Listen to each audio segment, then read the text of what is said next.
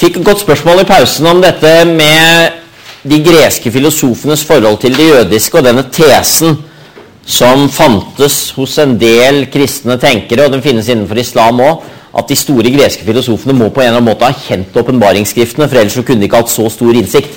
De må ha kjent Moses. Det er nok en tese som i ettertid er blitt eh, tilbakevist som mer en form for ønsketenkning, og du finner ikke direkte i deres skrifter noen henvisninger til det jødiske. Men det er klart at du, du snakker om en kulturkrets hvor ting henger sammen. Og du snakker om en innflytelse fra det persiske, det gjør du jo helt klart, på den greske tenkningen. Så at det kan ha vært en overlevering, det er nok, om ikke nødvendigvis har vært bevisst, eh, det kan nok være. Og du trenger ikke gå så veldig mange århundrer frem senere før du ser det tydelig ikke sant? i nyplatonsk tenkning, f.eks. Altså 200-300-tallet etter Kristus så ser vi jo helt klart at det er gresk filosofi som påvirkes av det kristne, og vice versa, inntil de til slutt nesten er umulig å holde fra hverandre. Augustin, f.eks., som er en latinsk og ikke en gresk tenker, han kunne vel knapt gresk, men det er klart han er veldig influert av veldig mye innenfor det greske. Hans tenkning er nesten utenkelig uten den nyplatonske bakgrunnen. Så uh, disse tingene glir jo sånn sett over i hverandre. Mer som kunne sies om det, men det er jo en interessant ting å se at både innenfor islam og innenfor kristendommen har det vært gjennom store deler av det vi kaller eh, middelalderen, ikke minst, en sånn respekt for den greske filosofi. At man så på den som en form for åpenbaring. Og Det finner man jo også innenfor naturrettstenkere som Thomas Aquinas. En idé om at det finnes en form for naturlig åpenbaring. Et begrep om at det finnes en allmenn åpenbaring som tilhører alle mennesker, uavhengig av den konkrete åpenbaringen de tar del i. Og Det finner du innenfor moderne teologi og det. Det vi kaller skapelsesteologi, f.eks. Og mye moderne erfaringsbasert teologi.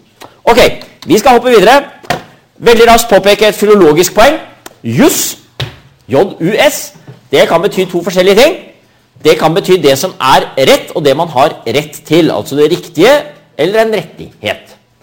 På norsk skiller vi mellom de to ordene, rett og rettighet. Men det gjør man ikke på så veldig mange andre språk så eksplisitt. På latin heter det jus, og på engelsk heter det right, og på tysk heter det recht, og på fransk heter det droit. Og det er faktisk en av de store nøttene det i filosofiens historie. For det er ikke noe særlig tvil om at primærbetydningen opprinnelig, både innenfor jus og etikk, det er den der. Det er det som eh, innenfor rettsfilosofien ofte kalles objektiv rett. Det vil altså si at det finnes en form for rettsorden og så kan folk godt ha rettigheter, men de rettighetene følger av det. Det er en annen måte å tenke på enn den som kjennetegner tenkningen fra opplysningstiden og fremover. Som ikke starter med den objektive rettsorden, men som starter med individets rettigheter. Og det skjer et sted på 1600-tallet med tenkere som Thomas Hobbes og John Locke, kjente engelske tenkere. Hvis dere ikke kjenner til dem, så Les om denne husker jeg da jeg begynte på filosofi. Så syntes jeg det var så mye name-dropping. Det var så mye filosofer jeg aldri hadde hørt om før. Så jeg hadde en sånn teknikk hvor jeg bakerst i boken skrev opp alle navnene som ble nevnt, og så gikk jeg hjem og slo dem opp i leksikon når jeg kom hjem. Og det er ikke så dumt. Fordi man kan ikke huske hvem alle disse her var, men de er gode å vite om. Thomas Hobbes og John Locke, hvis dere ikke har lest om dem, det er definitivt to tenkere dere bør vite om.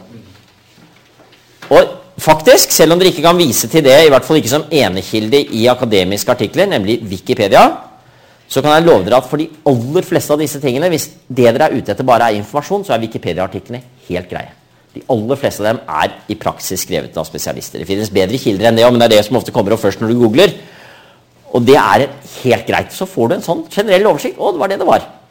Og Hobbes og Lock representerer en tradisjon som er naturrettslig, men som ikke primært legger vekt på hva som er den allmenne rettsorden, hva som er rett og galt, men som legger vekt på at mennesket er født fritt. Og som et fritt vesen er det født med en rett. Så sier jo Thomas Hobbes at den retten må vi gi fra oss. For ellers blir det bare krig og elendighet. Så de av dere som har hørt om Thomas Hobbes, vil jo vite at han er en tenker som argumenterer for et autoritært styresett. Men tankestrukturen er den vi kjenner fra moderne menneskerettighetstenkning. Mennesket er født fritt med rettigheter. Og Det der er en skillelinje som noen vil mene, bl.a. den store tyske idehistorikeren Leo Strauss, er kanskje den viktigste skillelinje i naturrettens, ja, kanskje hele den politiske filosofis historie. Det er der vi går fra å snakke om etikk, juss og politisk filosofi som noe som handler om det som er rett, til å snakke om det som tilhører individet. Andre har ment at denne motsetningen er mye mindre. At dette er en naturlig utvikling, der hvor når samfunnet blir mer pluralistisk, så vil det være naturlig å vende seg mer mot en menneskerettighetstenkning. Mye moderne katolsk moralteologi har stått for det synet. På sett og vis Moderne menneskerettigheter er bare en oppdatert versjon av klassisk naturrett. Leo Strauss mener at dette her er et dramatisk brudd. Dette er to helt forskjellige ting. Og det er eh, en interessant diskusjon i seg selv. For det som kjennetegner denne tanken om naturlige rettigheter, det er jo da at uh, disse rettighetene tilhører hvert enkelt menneske rett og slett i kraft av å være menneske. Og De er derfor uavhengig av alle andre begreper om rett og galt. Og da er da spørsmålet, som jeg allerede antydet, om det er et brudd med tidligere naturrettslig tenkning. Så har vi neste. Hvor spesifikk er naturretten?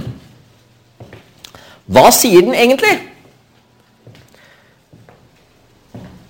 Det er noe vi diskuterer fortsatt, er det ikke det?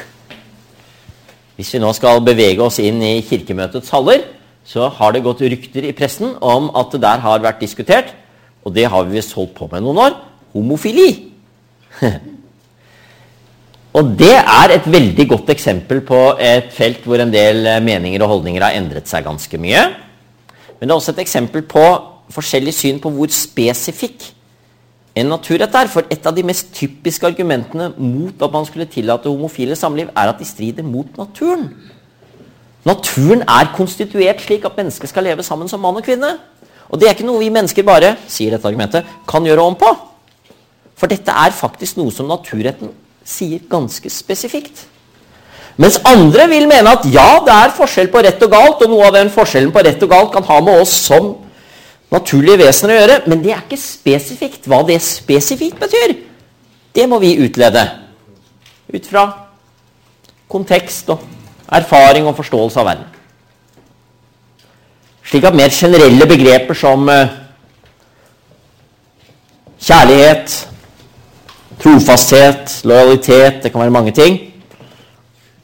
De kan vi ta utgangspunkt i, men hva det faktisk betyr, for hvorvidt man kan tillate homofile samliv eller ikke, det er ikke noe naturretten sier.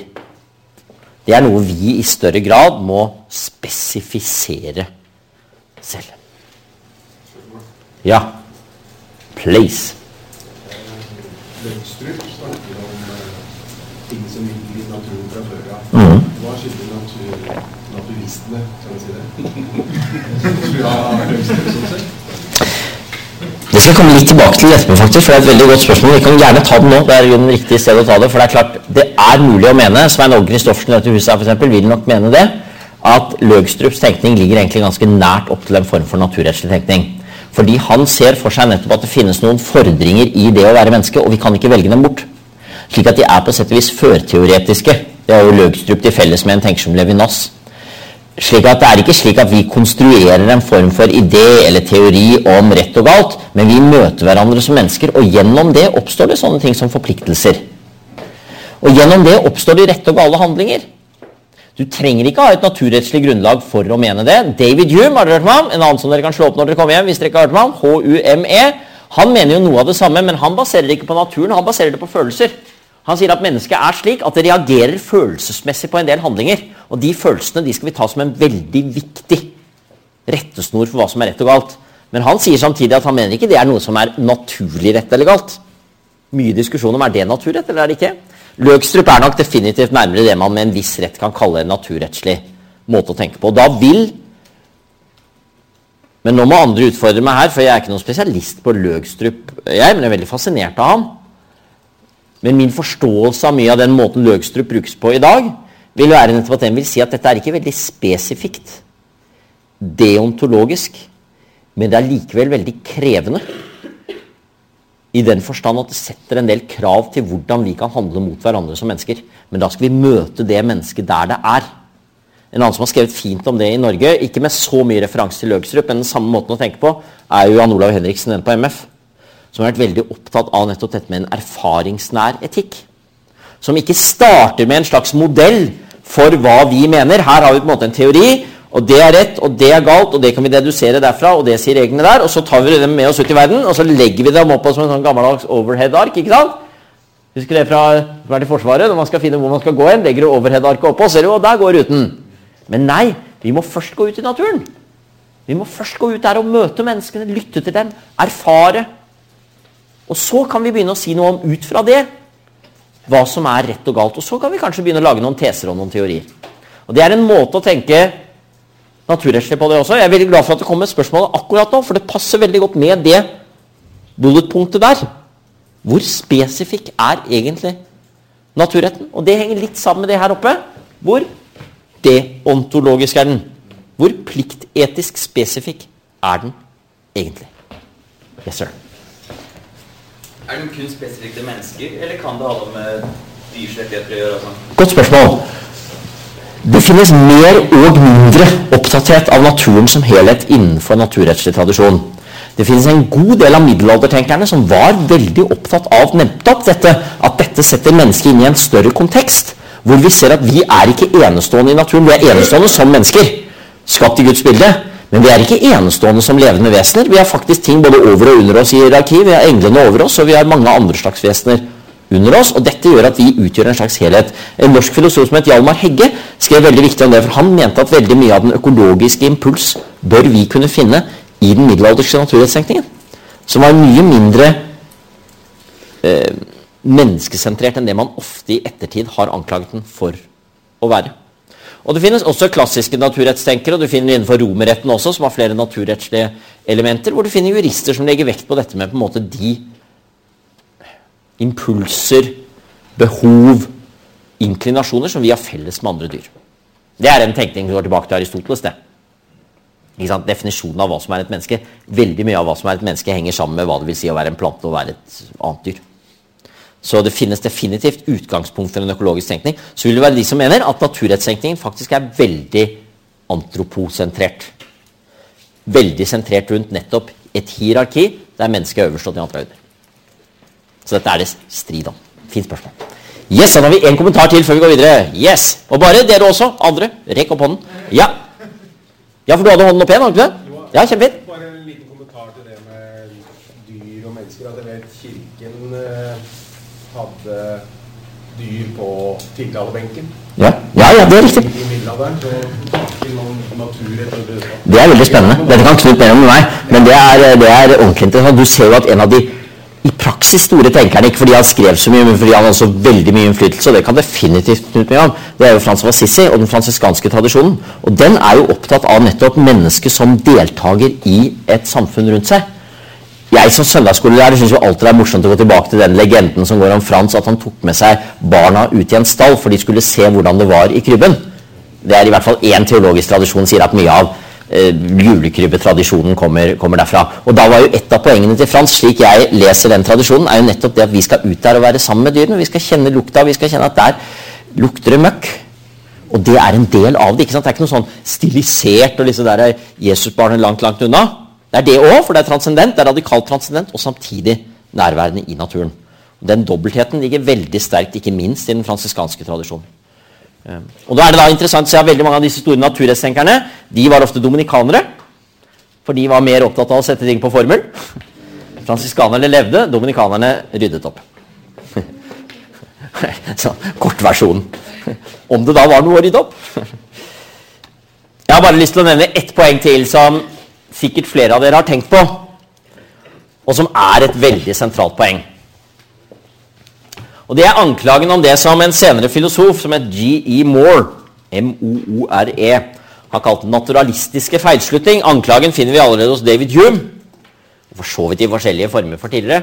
tenkning tidligere. Hva er den naturalistiske feilslutning? Er det noen av dere som forbinder noe med det begrepet? Hvis ikke, får dere vite det nå. Er ikke det fint? Ja. Så Hvis dere spiller Trivial Pursuit i kveld, og spørsmålet kommer hva var den naturalistiske feilslutning, da vil jeg dere skal sende meg en vennlig tanke. For da får dere en ostebit. Moores og tidligere Humes tese er den at du ikke kan slutte fra er til bør. Dette har å gjøre med hva som er gyldige resonnementer. Og Dere trenger ikke vite veldig mye om argumentasjonsteori eller logikk for å være enig i tesen om at det kan ikke finnes noe i konklusjonen som ikke er i premissene. Ikke sant? Hvis du skal lage en gyldig slutning, så må du kunne på en eller annen måte legge inn i premissene det som du finner igjen i konklusjonen. Hvis jorden er rund, så vil den avmerkes som en sirkelform på månen ved en måneformørkelse. Og hvis det er en sirkelform på månen ved en måneformørkelse, så har du fått i hvert fall en styrking av tesen om at jorden er rund. Det kan jo være andre grunner til at man fikk en sirkelform på månen. Men i hvert fall, Så det er ikke et bevis. Dette har dere hatt om en gang, noen av dere, når dere har lært om hypotetisk deduktiv metode. Men ikke sant? den konklusjonen du da har, den trekker utelukkende på elementer. Du har ikke funnet på noe nytt underveis. Og for øvrig er jorden grønn. Hvis du legger inn det i konklusjonen Her har vi også vist at jorden er grønn. Nei! For det er ingenting om det i premissene. Og da sier den naturalistiske feilslutning følgende La oss ta homofili som eksempel. Mennesket er skapt til å være i samliv som mann og kvinne. Homofili medfører at man lever, en er-setning, deskriptiv setning, sammen som et kjønn. Homofili bør ikke finne sted, og da er spørsmålet hvor kom bør fra? Hvem fant på det? Det sto ikke noe om det der oppe. I premissene sto det utelukkende om noe som er. Kan du slutte hva som bør være, ut fra noe som er? Og det er et knakende godt spørsmål, er det ikke det? Noen vil jo mene at det legger en torpedo under hele arken. Dermed kan det ikke finnes naturrettsteori. For naturrettstenkning tar nettopp utgangspunkt i hva som er i naturen, men ting kan da være helt annerledes. Altså, for bare ta et helt banalt eksempel. Jeg er temmelig nærsynt Jeg har fått nye briller nå, så jeg begynner å venne meg til dem. Uten dem så ser dere relativt sånn uh, utydelige ut. Uh, bør jeg ha bedre syn? Uh, kan man si som så at ja, du er født slik at faktisk du ikke kan se godt nok, og da får du leve med det, da. Det er bare sånn det er, fordi sånn er det fra naturens side. Du er fra naturens side nærsynt, du bryter med det ved å skulle gjøre noe annet. Og Da kan selvsagt den som er en tilhenger av den naturalistiske ferdselen, si nei, du kan ikke slutte noe fra menneskets naturlige syn til hvordan ting bør være. Kanskje er det tvert om slik at vi gjennom bør-konstruksjoner retter på å forbedre naturen. At det er mange ting som naturlig er sånn i naturen. Ja, la oss ta klassikeren innenfor mye stridigheter i middelalderen. Er det riktig å sette barn ut fordi de er svake og ikke kan leve opp? Nei, det er det ikke, fordi vi introduserer et bør som kanskje ikke var der fra naturens side, men som vi mener bør være der av etiske grunner. Og Da kan man ikke si at dette er en slutning fra noe som er i naturen, til hvordan det bør være, men hvert om kan bør-setningen gjøre et opprør mot det som er i naturen. Og Det mente da David Hume at veldig mye av naturrettstenkning begår denne feilen. Hva skal naturrettstenkeren svare på det?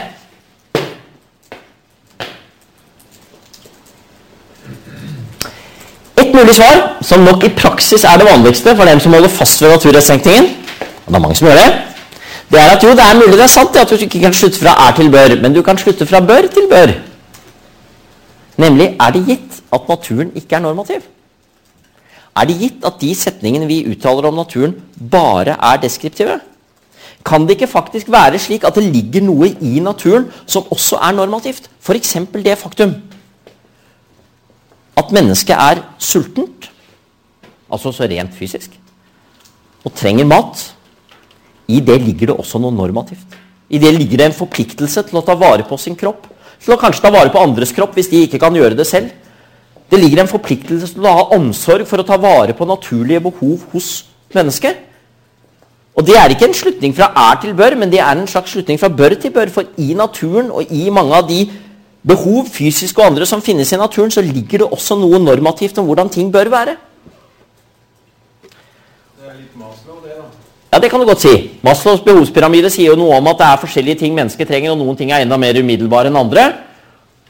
Og helt uten henvisning til Maslow sier jo på sett og vis den største av alle naturrettstenkere i middelalderen, Thomas Aquinas, levde fra 1225 til 1274, skal komme tilbake til ham hvert øyeblikk, han sier jo på sett og vis det. Det er noen av de tingene som vi ser i naturen ved det å være menneske, som ikke bare er fysiske faktum av typen at uh, den er høy og den er lav, men som har i seg noe normativt. I dette ligger det også et bør. Men dette er krevende. Ja? Hvem er det som definerer hva som er normativt? Det er jo spørsmålet. Det er det store spørsmålet. Og Da kan det være verdt å gå til vår venn Thomas Aquinas, tror jeg. For han kaster nok noe lys over det. For som jeg allerede har antydet, så finnes det flere naturrettslige modeller eller flere naturrettslige måter å tenke på. Og en av de viktigste, som går forut for tenkningen om rettigheter, så dette er ikke en menneskerettighetstenkning, men en mer objektiv naturrettstenkning, er nettopp Thomas Aquinas. Jeg skal si litt om den, men først du. Uh, ja, egentlig, uh, angående det jeg snakket om i stad, med at, uh, at det fra naturen sier noe normativt, f.eks. det du sier at en er sulten, derfor er det riktig å spise. Mm. Men åpner ikke det i prinsipp opp for at enhver lyst eller innfall en får, skal en følge? Mm. Fordi en får det fra naturens side? Riktig. Og derfor prøver jo Thomas Aquinas å besvare det gjennom en filosofisk basert, argumentativt basert teleologi. Nemlig hva er de behov mennesket har, og de ting ved menneskelig samliv og samfunnsliv som faktisk er byggende for et godt liv, som vi skal hegne om, og hvilke kan være behov som kan være direkte ødeleggende. Det er faktisk mulig å si noe om forskjellen på dem, vil Thomas Aquinas mene. Men det er jo på sett og vis det vi kan kalle den relativistiske utformingen til, utfordringen til naturrett. Ja, men hva om jeg mener noe annet, da? Hva om jeg mener at uh, det eneste som er naturlig riktig å gjøre, er å stå på huet hele tiden og uh, spise firfisler? Uh, hvorfor, hvorfor, er det noe gærent i det? Ja, Kanskje er det ikke noe gærent i det heller, så lenge jeg ikke plager andre. Men i det øyeblikket jeg begynner å spise noe vi ikke mener skal spises, så blir det verre. ikke sant? Um, hvordan besvarer vi det? Det fins selvsagt mange måter å besvare det på. Mange. Men nå skal jeg introdusere Thomas Aquinas. Kan dere se om dere har noe til overs for dem? Det er et forsøk. Og selv om Thomas Aquinas levde for mange år siden, så er det mange som vil mene at hans tenkning eh, er ennå fullt brukelig også innenfor en mer moderne metafysikk. Så, så Thomas er en, en, viktig tenkes. Jeg nevnte Svein Åge, og dere har vel noe på pensum fra ham. Og han er jo en av dem som Han kommer fra en protestantisk moralteologisk kontekst. Bruker Thomas Aquinas aktivt. Eh, på en interessant måte, syns, syns jeg. Ok. Ideelt sett skulle jeg kanskje nå hatt en tavle. Det er min feil Knut, at jeg ikke, ikke, sa det. Finnes det noe sånn her? Ja, det finnes jo her! Juhu! Ja, ja, men jeg er sterk. Ekstra Torres. Hvem er det, da? Ja? Bare finne en, et kritt. Ikke gå noe sted. Der. Jeg skal ikke tegne mye, og dere kan komme opp og se på det etterpå hvis dere ikke ser det fra der dere sitter. Men Thomas Husker jeg startet på filosofistudiet, tenker jeg, hvorfor er de på fornavn med ham? Men det er fordi han da er Thomas av Aquino. Og så ble han senere helgen kåret, så han er Sankt Thomas. Um, han uh, lever da på 1200-tallet. Han er blant de første latinske teologene som leser Aristoteles. For Aristoteles har ikke vært oversatt til latin. Og uh, selv om de var store tenkere, mange av disse middelalderfolkene, så kunne de ikke noe særlig språk. Så de færreste av dem kunne egentlig noe særlig gresk. Så den greske og den latinske verden var rett ved siden av hverandre, men de kjente hverandre veldig dårlig, egentlig. Påfallende dårlig. Interessant nok var Aristoteles blitt oversatt til arabisk. Så innenfor den arabiske verden, både i Spania og i øst, så kjente de mange av Aristoteles' skrifter ganske godt, men i Vesten var de stort sett bare kjent gjennom omtale. Og så blir det altså på kort tid så å si hele det aristoteliske korpus oversatt. Og det medfører en sånn jordskjelv altså, i tenkningen. Fordi man ser at dette her er en måte å organisere veldig mye av tenkningen på en god måte. Det er litt som om vi plutselig skulle oppdage Shakespeare. Liksom. Tenk om det! Tenk om vi plutselig i løpet av et år så Oi! Hva for som Shakespeare? Romeo og Julie! Hamlet! Ikke sant? Det ville vært Tjo! Og litt av den opplevelsen har de på 1200-tallet. Litt av den erfaringen har de når de får Aristoteles' skrifter. Noe av det sterkt influert av det arabiske. Det skal sies. Det er jo fint også å se at det var mer kulturkontakt enn vi kanskje ofte tror. Thomas Aquina selv var sterkt influert av arabiske lesninger av Aristoteles. Men oversettelsen skjer fra gresk. Eh, For de har tilgjengelig greske, greske kilder. Det er en som heter Wilhelm Amorbekke som oversetter. og Han er en fantastisk oversetter, for han oversetter så nøyaktig at den Thomas Aquinas, den Aristoteles som Thomas Aquinas leser, den er altså såpass nøyaktig at Thomas Aquinas, som ikke kunne gresk Ikke noe særlig, i hvert fall. Regnes som kanskje tidenes største Aristoteles-kommentator. Det er en trøst for alle oss som ikke har lært altfor mange språk. Det går an å lære noe i oversettelse hvis oversettelsene er gode nok. Eller de av oss som har studert en del språk og glemt det. Skjer det òg. Ok, nok om det. En av de tingene Thomas lager, og det er faktisk noe av det som er mest uavhengig av Aristoteles, for dette er ikke en konstruksjon vi finner hos Aristoteles, selv om det er inspirert av det, det er at han sier at verden er styrt av lover. Det er for så vidt en tanke du finner hos Aristoteles òg, men den er like mye mosaisk-inspirert, for så vidt. Og så deler han de i fire typer lover som styrer universet. Og det er den tenkningen jeg vil ha dere med på. Han kaller dem følgende den evige lov, den guddommelige lov, det er det åpenbare. det. Den naturlige lov, jus naturale, det er det vi ofte oversetter med naturretten. Og den menneskelige lov, lex humana, den positive lov. Det er om vi skal kjøre på høyre eller venstre side av veien. Ok? Og så ser han det for seg litt på følgende måte. Og La oss nå da ta i bruk denne her Kan denne her tas opp, denne her? Mm, mm. Det er sikkert en eller annen knapp et sted. Det er det vi gjør. Vi lar dem være, vi. Tenker jeg. Nei da, vi tar det bort her. Vi tar bort eh, her oppe. Og så om dere ikke ser det engang, så er det nå øverst her så er det noe vi kaller den evige lov. Og det er på sett og vis Guds tanke for hele universet. Lex eterna. Det er et veldig stort begrep.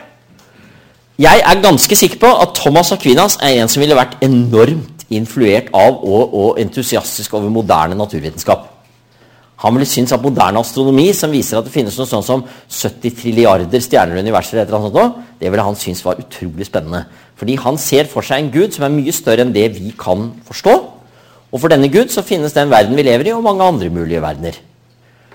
Og det må jo vi ta, anta i vårt univers, at det finnes noen andre verdener der ute også. Ja? Ja, det ligner på det. ligner på Det Det er på en måte en overordnede lov. Jeg er ikke noen spesialist på det islamske begrepsapparatet, men det er det, altså den tanken om at Gud i sin transcendente visdom, hinsides det vi kan ha noen innsikt i, har et slikt blueprint for the universe. Det er mye større enn det vi kan fatte. Men! Og da kommer Thomas Aquinas geniale formulering. Han sier at vi som mennesker, som rasjonelle vesener, vi kan delta i Participatio er begrepet i middelalderen. Vi deltar i den guddommelige lov. Akkurat som dere deltar i TF. Ja, dere er en del av noe som er større enn dere, og dere har ikke full innsikt i alt rektor tenker. Det er tekst mye rart. Det kan Nei da, det så mye fint. Men det er på en måte noe som Dere har ikke den fulle oversikten over det, men dere deltar i det allikevel. Og ser at det er skillet mye større enn det er i et menneskelig hierarki. Men vi kan delta i det. Det er det, noe av det som kjennetegner rasjonelle vesener. Og det gjør vi på to måter. Vi gjør det gjennom at Gud faktisk, skaperen bak alt dette, som er mye større enn noe vi kan forstå, åpenbarer faktisk for oss noen av de tingene vi trenger for å leve godt. Og for frelsen. Og det kaller han lex divina. Det er det vi har gjennom Skriften. Og det er en åpenbaring fra den evige lov. Det er en deltakelse for oss i dette. Det kaller vi for den guddommelige lov. Men han gjør det på en måte til. Og det er gjennom det vi kan kalle en naturlig åpenbaring. Og det er naturretten. Og det har man rett og slett ved å være menneske. Og det har mennesket hatt for, sånn sett i alle tider. Og det er helt uavhengig av om man er muslim, eller om man er jøde, eller om man er kristen, eller hva man er, så deltar alle i dette. Han har en beskrivelse i en bok som heter Summa contra gentiles, hvor han snakker om noe slikt som to skip som møtes på Middelhavet, og de har helt forskjellig språk og, og religion, og, men på det ene skipet er det for lite mat, og på det andre skipet er det for lite drikke. Og de er i stand til å innse at her skal vi dele. Det krever ikke noe større, men det er allikevel en ganske stor etisk handling å skulle gjøre. Det er mange som ikke ville gjort det, men dette er det som naturlige lov sier til oss. Og han mener at veldig mye av den naturlige lov det er ting som faktisk mennesker kan kjenne gjennom sin fornuft. Og han mener jo at det er det Paulus snakker om i Romerbrevet 2. kapittel, når han sier at de som ikke har loven, underforstått de som ikke kjenner Moseloven, de har loven i sine hjerter. Så hvis de gjør noe som er grunnleggende galt så kan de ikke si I you know. Jeg kjente jo ikke loven. Ingen som hadde åpenbart det for meg.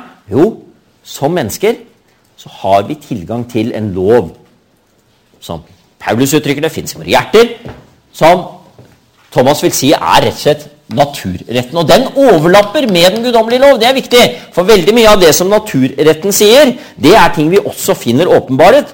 Ikke minst vil jo naturrettstenkere som Thomas mene at den annen lovstavle av de ti bud, dvs. Si alle de budene som har med mellommenneskelige forhold å gjøre, de er naturrettslige. Og de vil vi kunne finne igjen i andre kulturer og hos mennesker som ikke kjenner den jødisk-kristne åpenbaring. Og så kommer den siste type lov. Det er den som følger av, eller skal være i overensstemmelse med, naturretten.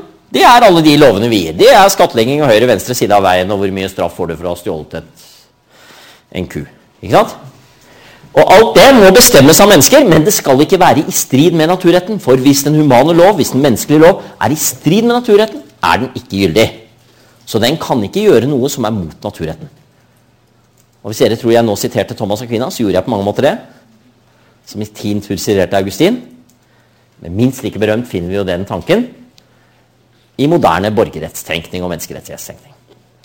Anbefaler dere alle å bruke 20 minutter av livet på å lese Martin Luther Kings 'Letter from Birmingham Jail'. Martin Luther King hadde doktorgrad i teologi, kjente denne tradisjonen godt.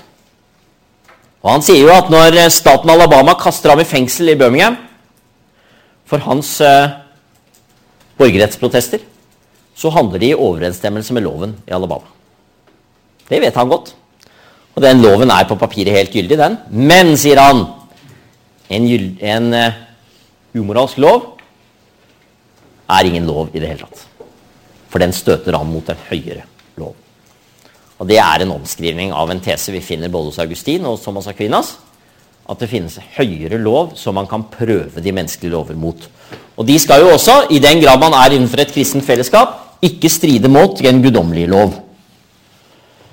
De skal ikke ødelegge for den guddommelige lov, men det er ikke alltid at det kan være helt ikke sant? Hvis man tenker seg et samfunn hvor de ikke er kristne. Og det kan man jo. Thomas Akinas var ikke spesielt opptatt av det, men i teorien her så kan jo det finnes. Så må de styres etter naturretten. 300 år etter Thomas så får akkurat den tenkningen ganske stor betydning. På sett og vis i akkurat overgangsfasen til tanken om menneskerettigheter. Og det er jo i Latin-Amerika. Det vi kaller Latin-Amerika, altså Syd-Amerika. For der møter jo plutselig de spanske konkvistadorene indianerne. Og så er spørsmålet hva gjør vi med dem? Vi har jo blitt fortalt av paven at dette er vårt land, og det er vårt gull. Så dette kan vi ta. Og det medførte jo en rekke krigshandlinger som vi vel i dag ikke kan kalle noe særlig annet enn genocidale. Det er et form for folkemord som finner sted. Men da er det jo en del teologer i tradisjonen fra Thomas Aquinas som protesterer mot det. Og de får jo et visst gjennomslag. De får i hvert fall stoppet noe av det. Den første og mest kjente av dem er vel antagelig Francisco de Vitoria dominikanermunk som på 1530-tallet skriver to berømte bøker, en om krig og en om indianerne. Det Bello og det Indis. Og Der sier han at ja, men vi kan ikke fare sånn frem, for indianerne er under naturretten. Og de har rett til å ha sitt samfunn. Vi kan ikke komme til dem og ta over deres samfunn, for de er under naturretten. Og De styrer sitt samfunn etter sine prinsipper. Og det i seg selv at de ikke er kristne, er jo ikke noe synd. Det er synd hvis de ikke lar oss få lov til å fredelig presentere vårt budskap, hvis vi ikke lar oss være misjonærer, hvis vi stopper frihandel. De tingene mente Francisco de Vitoria kunne være grunn for krig. Men selv da, sier han, så vil jo de bare forsvare landet sitt, og det ville jo vi gjort òg. Han beskriver på sett og vis en absurd situasjon. Disse menneskene har levd der i århundrer, og plutselig kommer det noen opp på stranden deres blablabla, Paven bla De har ikke hørt om paven. De nekter å gi fra seg sitt gull. Og dermed går spanjolene til krig mot dem og meier dem ned og tar gullet. Og Da spør Francisco de Vitoria med hvilken rett gjør vi det. Finnes det noe i naturretten som tilsier at vi har rett til bare å si at disse menneskene de er ikke fullt ut mennesker, de må tilhøre en annen kategori. Og Det er en viktig tanke. for det, Jeg tror ikke det var det Thomas Aquinas hadde primært i tankene, men det viser hvordan naturrettstenkningen også kan brukes og være en bro over til en menneskerettighetstenkning. Yes, sir! Thomas Aquinas eh, mente han at eh, de, de, som, altså, de som ikke hadde den guddommelige lov, at det liksom var like moralske Ja, han mener nok at den, han mener definitivt at den guddommelige lov, den ø, kristne åpenbaring, perfeksjonerer loven. Det er et uttrykk han bruker. Så han mener at gjennom dette så får vi en dypere innsikt i og en sikrere visshet om hva som er rett og galt. Men utover det er det helt riktig det du sier. Og det har jo også med det å gjøre, det er jo en etisk impuls som ligger bak det, men det har jo også med det å gjøre at han står overfor Aristoteles, og Aristoteles var jo ikke kristen. Men han mener jo samtidig at Aristoteles var en av de største tenkerne som noen gang har levd. Han insisterer jo på at vi har massevis å lære av det. Ja, han insisterer jo også på at vi har veldig mye å lære av muslimske tenkere. For han mente altså at Ibn Rushd, eller Averroes, var den største Thomas-kommentator. Men hvis man må ha innsikt i den fulle guddommelige lov gjennom kristen åpenbaring for å kunne vite noe om rett og galt, så er det vanskelig å si at Aristoteles og Averroes kan ha hatt noen særlig innsikt. Men det hadde de. Så dette er jo også et intellektuelt argument fra hans side. Det er avfødt av hans oppriktige mening om at mennesker kan finne sannheten om rett og galt. Ikke den største sannhet, men den menneskelige sannhet om rett og galt. Og kan leve det Aristoteles ville kalle det gode liv, uten å være kristne. Punktum. Det mener jeg. Og det er et naturrettslig argument. Men hva sier da naturretten? Jeg lovet dere at jeg skulle si noe om hva Thomas Aquinas mente om dette med hvor spesifikt den er. Han sier som så at naturretten egentlig består av tre elementer. Dette sier han i sin Summa Theologia. Den første del av annen del. Dere kan bare google på 'Natural Law Thomas Aquinas' og finne dere tekstene. Hvor han sier at naturretten sier oss det at vi skal beskytte liv. For livet beskytter ikke seg selv. Det å ta vare på liv, ikke minst det menneskelige liv, men også det livet som er rundt, det er den grunnleggende tese. Og det sier han at det henger sammen med den animalske verden, for det ser vi at alle dyr gjør. Selvoppholdelsesdriften. Punkt to. Fra dette følger at vi også må ta vare på forutsetningene for liv og forutsetningen for videreføring av liv. Det er familien. Og på sett og vis fortsetter det lokalsamfunnet med at mennesker tar vare på hverandre, at det finnes oppvekstvilkår for barn. Men så følger da det tredje, og det er litt mer Aristoteles-inspirert. Aristoteles sier et sted at det handler ikke bare om å leve, men det handler om å leve godt. Det gode liv. For Thomas handler jo det mye om det å kunne leve et religiøst liv. Men ikke bare religion. Det handler også om det å søke mening. Det handler om slike ting som vennskap, innsikt, leve i fred.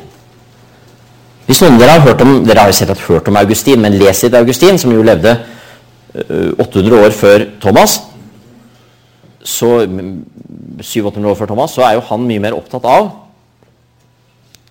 at mennesket dypest sett er syndig og handler feil hvis det ikke blir innlemmet i en ganske streng moralsk orden. Thomas Aquinas er mer optimistisk. Han mener at mennesket kan her i verden i grunnen leve det gode liv. Og det er veldig mye fint vi kan gjøre. Og det gjorde Aristoteles òg. Så mener han at kristendommen legger noe livsviktig til det, nemlig læren om frelsen. Læren om nåden. Og den er han jo selvsagt insisterende på er den største sannhet. Men han mener ikke at den er en forutsetning for i menneskelig forstand å leve det gode liv. Hvis vi vil se en som tenker i litt lignende baner, så bør dere bruke en time av livet deres en gang på å lese fjerde sang av Inferno av Dante Alighieri. Og da høres Der er det bare helvete, jo. Der er det bare straff og elendighet. Men i fjerde sang, der er limbo. Og limbo, det er der de ufrelste sjeler er som ikke fortjener straff. Og Det er en vidunderlig beskrivelse. Jeg har en venn nå som oversetter endelig Dantes komedie til bokmål. Er Flott, sånn litt gammelmodig riksmål. Det blir så flott. Der sitter Platon. Der er Sokrates, og der er Aristoteles. Der er Averroes og Avicenna. Der sitter Homer, Ovid og Vergil og samtaler om de store ting. Og det er helvetes foregår, men det er ikke noe vondt der. Det kommer til og med litt lys inn. De har til og med sett Kristus. Ifølge Dante så kom han dit på påskeaften. Da han besøkte dødsverden. Da så de.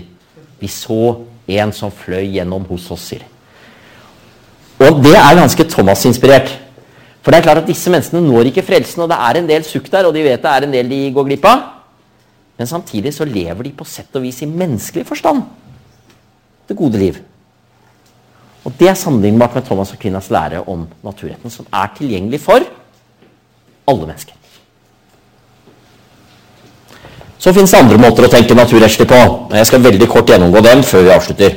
Jeg har allerede nevnt Thomas Hobbes, engelsk tenker som levde på 1500- og 1600-tallet, fra 1588 til 1679. Han ble gammel. 91, det var ikke vanlig da. Thomas Hobbes lager på sett og vis mye av grunnlaget for det moderne liberale demokrati, selv om han selv ender med en helt annen konklusjon enn det vi forbinder med liberalt demokrati. Det viktige som vi skal merke hos oss Hobbes, er at han snur på sett og vis den naturrettslige tese rundt og sier at jus naturale, den naturlige rett, det som Thomas Aquinas snakket om her Thomas snakker både om lex naturalis, den naturlige lov, og jus naturale, den naturlige rett. Men hos ham er de mer eller mindre overlappende begreper. Men hos Thomas Hobbes så er jus naturale det er en naturlig rettighet. Hvert menneske er født fritt. Problemet er at når alle er født fritt, og det ikke finnes noen til å regulere friheten, så blir det alles krig mot alle. Det er jo Hobbes berømte tese. ikke sant? Hvis vi tenker oss at vi er inne i dette rommet her, og det ikke er noen autoritet, og jeg ser at du har noe mat som jeg har lyst på, så tar jeg den. Men hva gjør du? Du forsvarer den, og dermed så ender vi opp med å slåss, for hvem vet hvem sin mat det er? For det finnes ingen rettsinstans som kan komme og dømme og si at ja, men det er din. Og da får vi the war of all against all, og den berømte hobbske formulering om at i denne tilstand, som man kaller the state of nature, er livet poor, solitary, nasty, brutish and short. Den er sterk. Dere vil ennå finne en og annen journalist i den engelskspråklige verden, eh, verden som har lest Hobbes, så den kommer opp av og til. Jeg leste et referat fra en fotballkamp om at this was solitary, nasty, brutish and short. Jeg har lest Homskit! Ja, altså, det er i Leviatan. Det er helt riktig en bok som heter Leviatan, som jo er et bibelsk begrep for øvrig. En bibelsk figur. Um, hvorfor nevner jeg dette nå? Jo, fordi da ser dere altså, jeg var inne på det i sted også, at dette er en måte å nærme seg denne grunnleggende naturrettslige måten å tenke på. At rett og galt er begrunnet i naturen på en annen måte. Den starter med det enkelte mennesket og det enkelte menneskets rettigheter. Og så lager vi lov og rett. Og det er jo Hobbes tese. Vi møtes, lager en samfunnskontrakt hvor vi finner ut av hvordan kan vi beskytte denne retten. Hos Hobbes er det i grunnen ingen annen måte å gjøre det på enn å gi fra alt sammen til en hersker. Derav Leviatan. 40 år senere skriver John Locke sin berømte 'Treatise on Government'. 40 året. Og Der sier han nei, vi trenger ikke gi opp alt sammen. Vi kan bevare samvittighetsfrihet. Og. Ytringsfrihet og eiendomsrett det kan vi beholde. Og så får vi en stat som beskytter det for oss. Og da har dere på sett og vis den moderne modellen. Født med rettigheter, men eh, de er derigjennom del av et samfunn. Vi har også hatt en utvikling de siste roughly 50 årene hvor en god del tenkere har forsøkt John Finnis, mest berømt av dem, F-I-N-N-I-S. Den kan slå opp ham også hvis dere vil det. Veldig interessant tenker, han lever ennå, Oxford-filosof. Som har tatt utgangspunkt i Thomas Aquinas, men forsøkt, selv om han er en katolikk selv, John Finnis, men forsøkt å rydde bort det mer spesifikt katolsk kristne. Og lage en mer allmenn naturrettsteori som ikke på samme måte er knyttet til en teologi. Nå vil veldig mange mene, jf. det jeg sa i sted, at Thomas Aquinas er ikke avhengig av en teologi. Men John Finnis har mer prøvd å lage det vi kan kalle en deontologisk, altså en sånn plikt- og rettighetsetisk naturrettslære, som tar utgangspunkt i visse grunnleggende menneskelige behov. Da er vi tilbake til Maslow igjen. Visse grunnleggende menneskelige behov. Han har en sånn liste på syv human goods, kaller han dem. Som for å være menneske, så må du ha oppfylt disse behovene. Nå går det litt vitser om John Finnis, for han har av og til kommet på nye human goods underveis. ja, jeg glemte i min forrige bok dette var en gud også, gitt. Så det gikk litt vitser om ham. What's the human good today? Var ikke dette, skulle ikke dette være evig? Så kom det på en ny gang klokken åtte i dag morges. Uh, de mest grunnleggende går på det vi allerede har snakket om, om rent fysisk behov, men han har jo i tillegg slike ting som det å søke mening med livet, uh, det å kunne leve i vennskap, play, det å kunne ha fritid. Og Det er en ganske interessant måte å tenke naturrett på, som prøver å ta utgangspunkt i det som er fellesmenneskelige behov, som skal oppfylles. Men hvis vi nå avslutter ved å se på hvordan dette også kommer til uttrykk i tenkning som vi ikke primært tenker på som naturrettslig, men som har mye av det samme i seg, da er jo Løkstrup et godt eksempel. som er på en måte et erfaringsbasert perspektiv, hvor vi spør hva betyr det å være menneske sammen med andre mennesker? Hva slags forpliktelse legger det på meg? Hva betyr det i praksis? Og En versjon av det som har hatt ganske stor innflytelse, er en som Karel Wojtyła, eller mer kjent som pave Johannes Paul 2., var veldig opptatt av. Og Han tar jo utgangspunkt i nettopp det menneskelige individ som et menneske med verdighet og personlighet. Det kalles for personalism. Og ikke personlighet i den forstand vi ofte snakker om personlighet. at liksom, ja, han er grei, og hun er introvert. Men i betydningen at du gjennom det å være en menneskelig person bærer med deg en type verdighet som medfører forpliktelser hos andre mennesker. Og at det å gå inn ja det er nesten, vil vi filosofer si, litt sånn fenomenologisk. Ikke sant? Vi nærmer oss mennesket som et fenomen som vi møter. Og av det følger både forpliktelser eh, og, og eh, normer i samfunnet. Og da er det ikke den metafysikken ikke sant? Det er ikke Thomas Aquina som er borte med evig lov og guddommelig lov og, og, og, en eller annen filosofisk tenkning om hvordan universet er sammensatt, men det er på en måte en nedenfra-opptenkning om hva det vil si å være menneske, som også har mye naturrettslig i seg. Det jeg nå har gjort, er egentlig å bare ta en liten sånn stikke tå inn i vannet. Og gi en liten oversikt over hva vi forbinder med naturrettslig tenkning. Men jeg vil avslutte med å si at naturrettslig tenkning er ennå alive and well. For veldig mye av det som har skjedd de siste 100 årene, ikke minst i rettsfilosofien, har også klare naturrettslige trekk ved seg. Jeg nevnte Martin Luther King. Hele tanken om borgerrettigheter.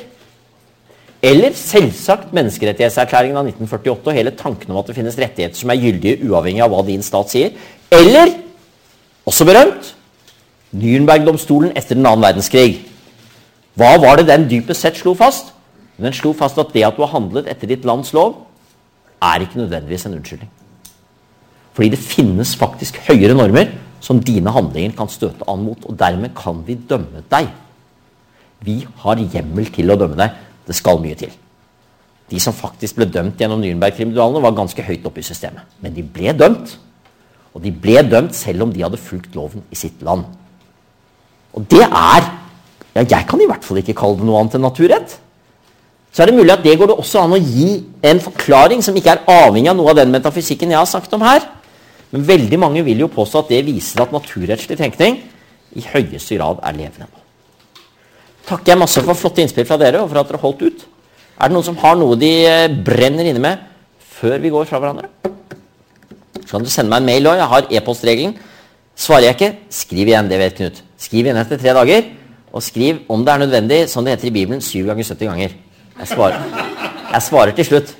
Og jeg kommer alltid. Så sier jeg tusen takk for meg, og ha en velsignet helg.